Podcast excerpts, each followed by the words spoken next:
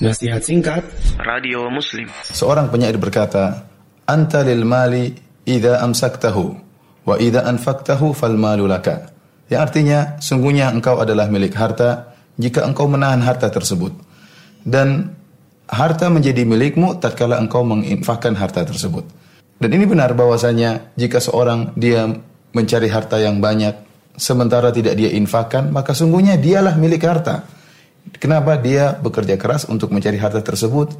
Dia tunduk kepada harta tersebut sementara harta tersebut bukan miliknya. Oleh karenanya Rasulullah Shallallahu Alaihi Wasallam pernah bersabda, Taisa abdud dinar, Taisa abdud dirham. Sungguh celaka penyembah dinar dan sungguh celaka penyembah dirham. Di sana ada orang-orang yang benar-benar diperbudak oleh harta, diperbudak oleh dinar dan diperbudak oleh dirham. Waktunya habis untuk tunduk kepada dinar tersebut. Waktunya habis untuk mencari harta tersebut. Bahkan ibadahnya diatur oleh harta tersebut. Kapan hartanya mengatakan tunda ibadahmu, kapan hartanya mengatakan tinggalkan ibadahmu, maka demi harta dia akan tinggalkan ibadahnya. Demi harta dia akan tunda-tunda ibadahnya.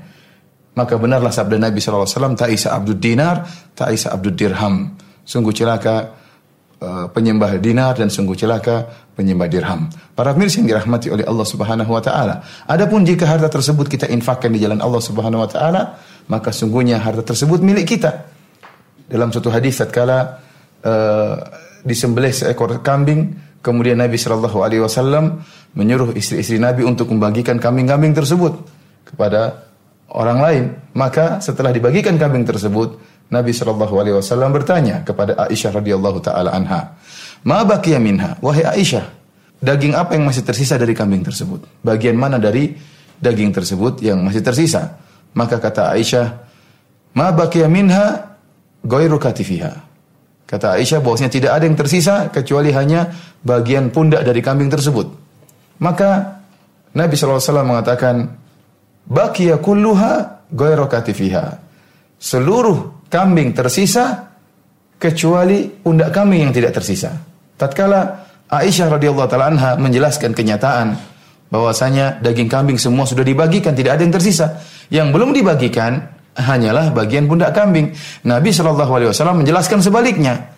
Justru yang telah dibagikan seluruhnya itulah yang tersisa. Artinya apa tersisa di akhirat?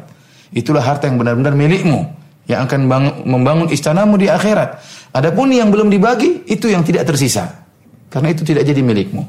Dan ini sesuai dengan sabda Nabi Shallallahu Alaihi Wasallam dalam hadisnya yatba'ul mayyita thalath bahwasanya ada tiga perkara yang mengikuti mayat tatkala mayat dikuburkan yaitu ahluhu wa maluhu wa amaluhu yang mengikuti mayat tersebut adalah keluarganya kemudian adalah hartanya dan juga amalannya fayarji'ul ithnan wa yabqa wahid kata Nabi SAW maka yang dua akan kembali apa dua perkara tersebut yang akan kembali yaitu keluarganya dan hartanya. Ya, kalau seorang tatkala dikubur, maka hartanya tidak akan ikut dikuburkan.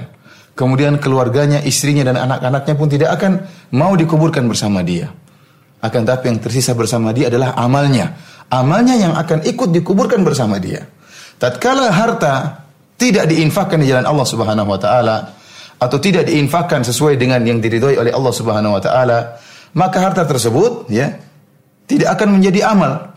Tetapi kapan harta tersebut diinfakkan di jalan Allah Subhanahu wa taala, maka berubah berubahlah status harta tersebut menjadi amalan soleh dan akan menyertai sang hamba dalam kuburannya. Tatkala kita mencari harta, niatkanlah karena Allah Subhanahu wa taala. Tatkala kita mencari nafkah buat anak istri, niatkanlah karena Allah Subhanahu wa taala. Tatkala kita memiliki harta, mengumpulkan harta, maka niatkanlah bahwasanya harta tersebut akan kita gunakan sebagiannya untuk di jalan Allah Subhanahu wa taala. Karena kapan kita mencari nafkah karena Allah Subhanahu wa taala dan kapan kita mengeluarkan harta tersebut karena Allah Subhanahu wa taala, maka harta tersebut akan menjadi amal soleh yang akan menemani kita di alam kubur dan akan membela kita tatkala di akhirat kelak. Akan tapi sebaliknya, jika ternyata harta tersebut tidak uh, kita niatkan karena Allah Subhanahu wa taala, kita gunakan hanya sekedar dalam rangka ber, berfoya-foya, tidak ada tujuan yang jelas. Kita membangun rumah-rumah yang tinggi tanpa niat karena Allah Subhanahu wa taala, kita kumpulkan harta yang begitu banyak, tanah, emas, dolar, rupiah, bukan karena Allah Subhanahu wa taala, maka sungguhnya harta yang kita kumpulkan tersebut akan menjadi bumerang bagi kita di akhirat kelak. Akan memperberat hisab kita di akhirat kelak karena Allah Subhanahu wa taala berfirman, "Tsumma latus'alunna yauma idzin 'anin na'im." Sungguhnya kalian benar-benar akan ditanya oleh Allah Subhanahu wa taala atas segala nikmat yang kalian rasakan.